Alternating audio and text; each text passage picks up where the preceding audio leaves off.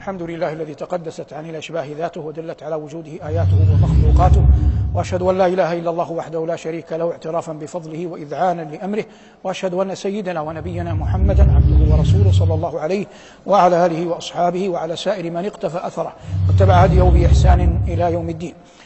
عنوان درس هذا المساء المبارك المكرمون وهذه اللفظة القرآنية العظيمة وردت في كلام الله عز وجل بصيغة الرفع وبصيغة الجر بصيغة الرفع وبصيغة الجر. فإذا قلنا بصيغة الرفع يعني المكرمون وإذا قلنا بالجر أو النصب تصبح المكرمين لأنها جمع مذكر سالم يرفع بالواو وينصب ويجر بال بالياء. وقد وردت في مواضع خمسة. وردت في الأنبياء ووردت في ياسين ووردت في الصافات ووردت في الذاريات ووردت في المعارج. هذه خمس سور وردت فيها كلمة المكرم. نبدأ بالأنبياء. قال الله عز وجل وقالوا اتخذ الرحمن ولدا. سبحانه بل عباد مكرمون لا يسبقونه بالقول وهم بأمره يعملون. يعلم ما بين أيديهم وما خلفهم ولا يشفعون إلا لمن ارتضى وهم من خشيته مشفقون. ومن يقل منهم إني إله من دوني فذلك نجزيه جهنم كذلك نجزي الظالمين أو المجرمين لا أدري. الظالمين. نأتي للآيات. قال الله عز وجل وقالوا اتخذ الرحمن ولدا. القائل نفر من خزاعة على الأكثر.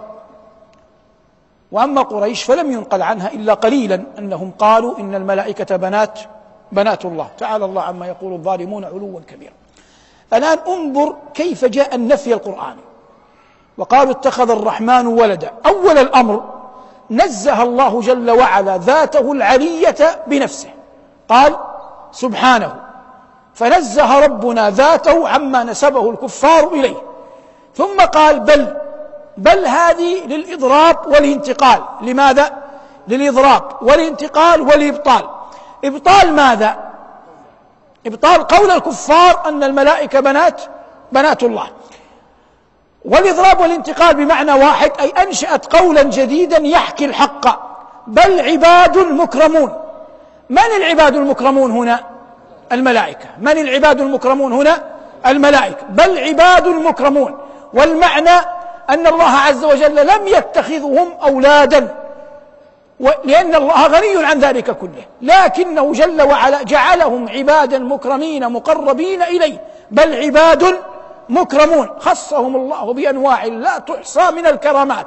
ثم ذكر الله عز وجل بعض أحوالهم عليهم السلام. قال بل عباد مكرمون.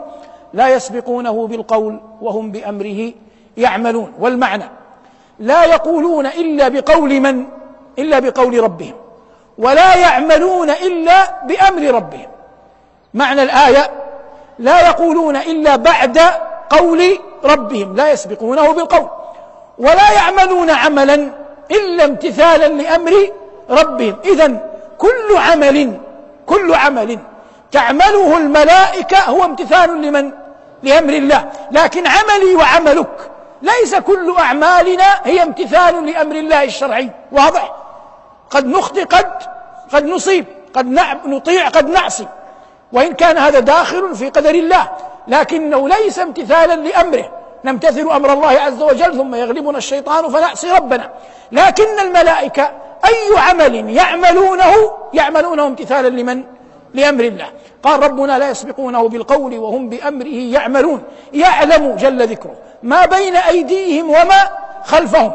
علم ما يعملون قبل أن يخلقهم ويعلم ما سيعملون بعد أن بعد أن خلقهم. ولا يقدر على هذا إلا الذي خلقهم وهو وهو الله يعلم ما بين أيديهم وما خلفهم ولا يشفعون لعلمهم بعظمة ربهم وجلالة شأنه وعظيم قهره لا يشفعون إلا لمن ارتضى. قال ابن عباس في هذا كلمة جامعة قال ولا يشفعون إلا لمن ارتضى أي لمن قال لا إله إلا الله كل شيء يدخل تحتها كل شيء يدخل تحت هذا. والمعنى أن من لم يقل لا إله إلا الله محال أن تشفع الملائكة له. أما من قال لا إله إلا الله آمن به أتى به على الوجه الحق فهذا أهل لأن تشفع الملائكة له. متى تشفع الملائكة؟ الصواب أن الملائكة تشفع في الدنيا وتشفع في في الآخرة. تشفع في الدنيا وتشفع في الآخرة. تشفع في الدنيا بالاستغفار. ربنا يقول ويستغفرون لمن في الأرض.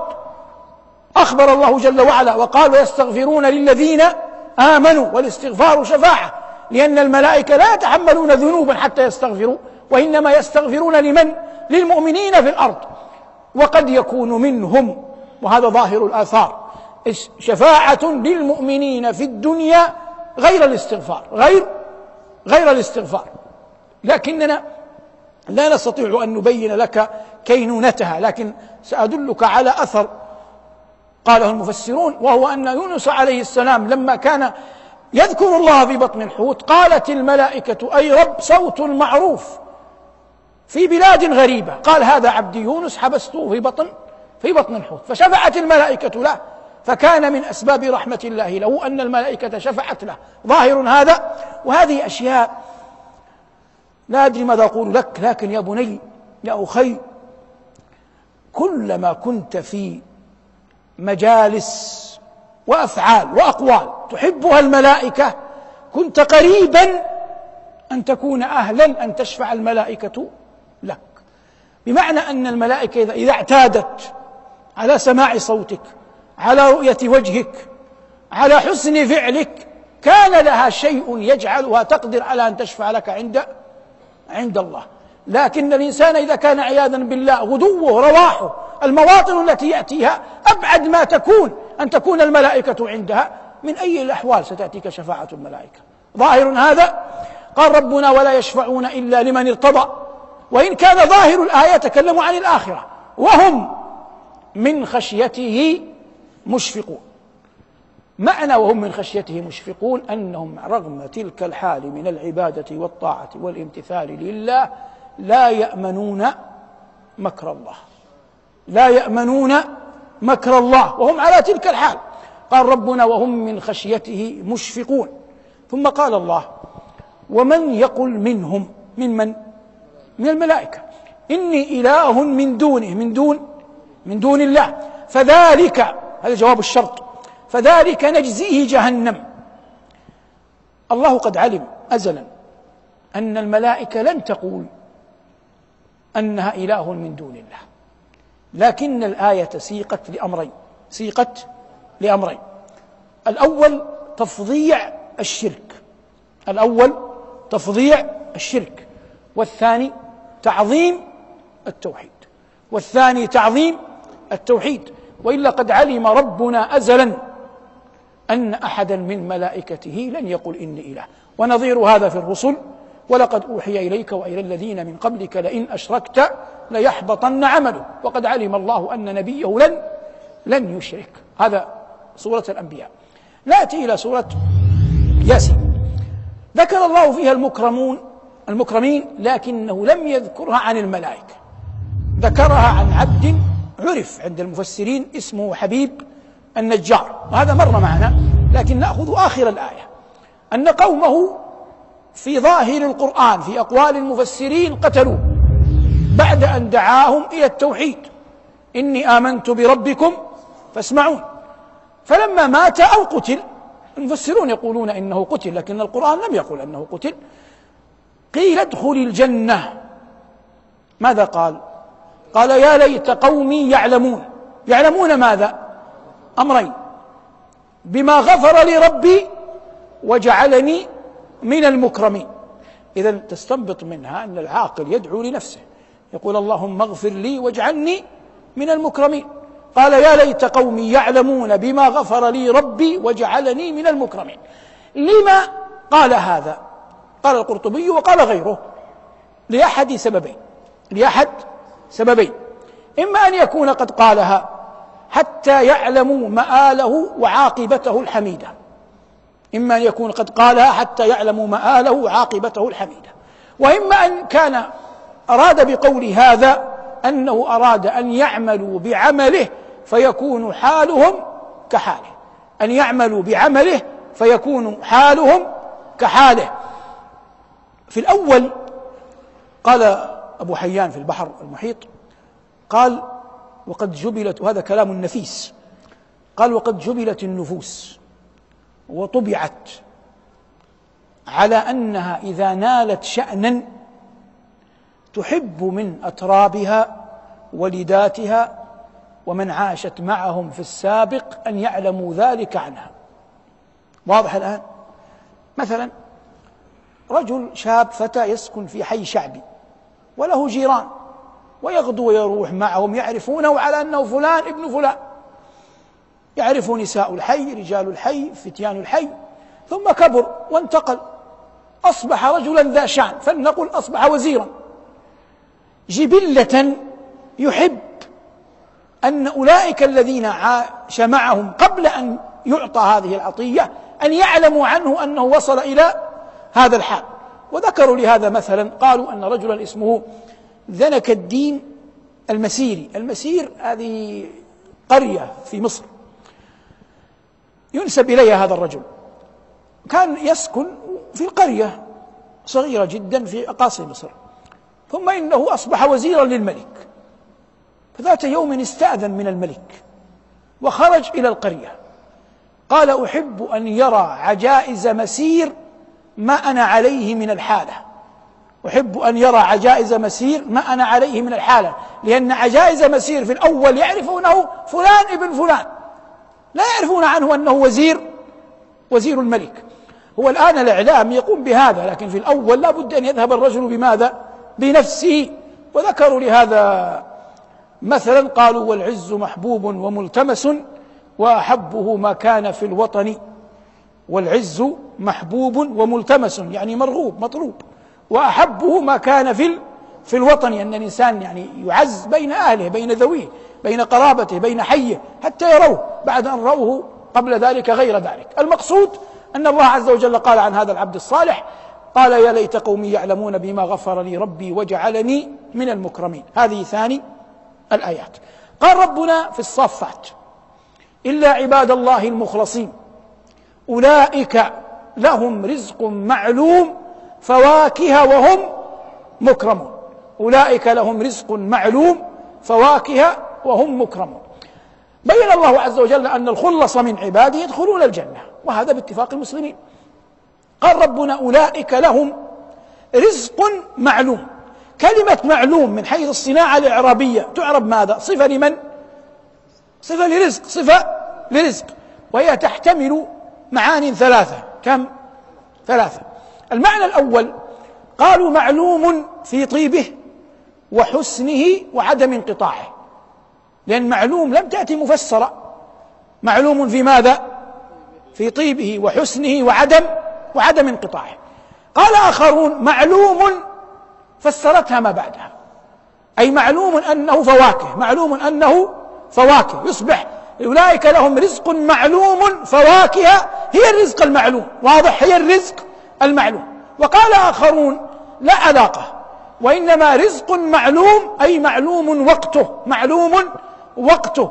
أين أخذوا هذه معلوم وقته؟ أخذوها من قول الله عز وجل ولهم رزقهم فيها بكرة وعشية. ولهم رزقهم فيها بكرة وعشية. يظن الوقت لا يأذن بالإتمام لكني سأتم على عجل. هذا ما ذكره الله عز وجل في في الصفات في ذاريات قال الله عز وجل هل أتاك حديث ضيف إبراهيم المكرمين؟ هذا من جنس الأول. كما مدح الملائكة إجمالا مدحهم هنا هنا تعيينا. والمراد بضيف إبراهيم جبرائيل وإسرافيل و وميكال. بقينا في المعارج قال الله عز وجل إن الإنسان خلق هلوعا إذا مسه الشر جزوعا وإذا مسه الخير منوعا إلا المصلين. ثم ذكر صفاتهم. قال في آخرها والذين هم لأماناتهم وعهدهم راعون والذين هم بشهاداتهم قائمون أولئك في جنات مكرمون. إذا نخلص من هذا كله. أن المكرمين في القرآن كم؟ اثنان. الملائكة ومن يمن الله عليه بأن يدخل الجنة. اللهم أدخلنا برحمتك الجنة. اللهم أدخلنا برحمتك الجنة. اللهم أدخلنا برحمتك الجنة. صل اللهم على محمد وآله والحمد لله رب العالمين. كل عمل تعمله الملائكة هو امتثال لمن؟ لأمر الله. لكن عملي وعملك ليس كل أعمالنا هي امتثال لأمر الله الشرعي. واضح؟ قد نخطئ قد قد نصيب قد نطيع قد نعصي. وإن كان هذا داخل في قدر الله. لكنه ليس امتثالا لأمره. نمتثل أمر الله عز وجل ثم يغلبنا الشيطان فنعصي ربنا. قال ابن عباس في هذا كلمة جامعة. قال ولا يشفعون إلا لمن ارتضى أي لمن قال لا إله إلا الله. كل شيء يدخل تحت هذا. كل شيء يدخل تحت هذا. والمعنى أن من لم يقل لا إله إلا الله محال أن تشفع الملائكة له. أما من قال لا إله إلا الله آمن به أتى به على الوجه الحق فهذا أهل لأن تشفع الملائكة له. متى تشفع الملائكة؟ الصواب أن الملائكة تشفع في الدنيا وتشفع في في الآخرة. ثم قال الله ومن يقل منهم من من؟ من الملائكة. إني إله من دونه من دون من دون الله. فذلك هذا جواب الشرط. فذلك نجزيه جهنم. الله قد علم أزلا أن الملائكة لن تقول أنها إله من دون الله. لكن الآية سيقت لأمرين. سيقت لأمرين. الأول تفظيع الشرك. الأول تفظيع الشرك. والثاني تعظيم التوحيد. والثاني تعظيم التوحيد. والا قد علم ربنا ازلا أن احدا من ملائكته لن يقل إني إله. ونظير هذا في الرسل. ولقد أوحي إليك وإلى الذين من قبلك لئن أشركت ليحبطن عمله وقد علم الله أن نبيه لن لن يشرك. هذا سورة الأنبياء.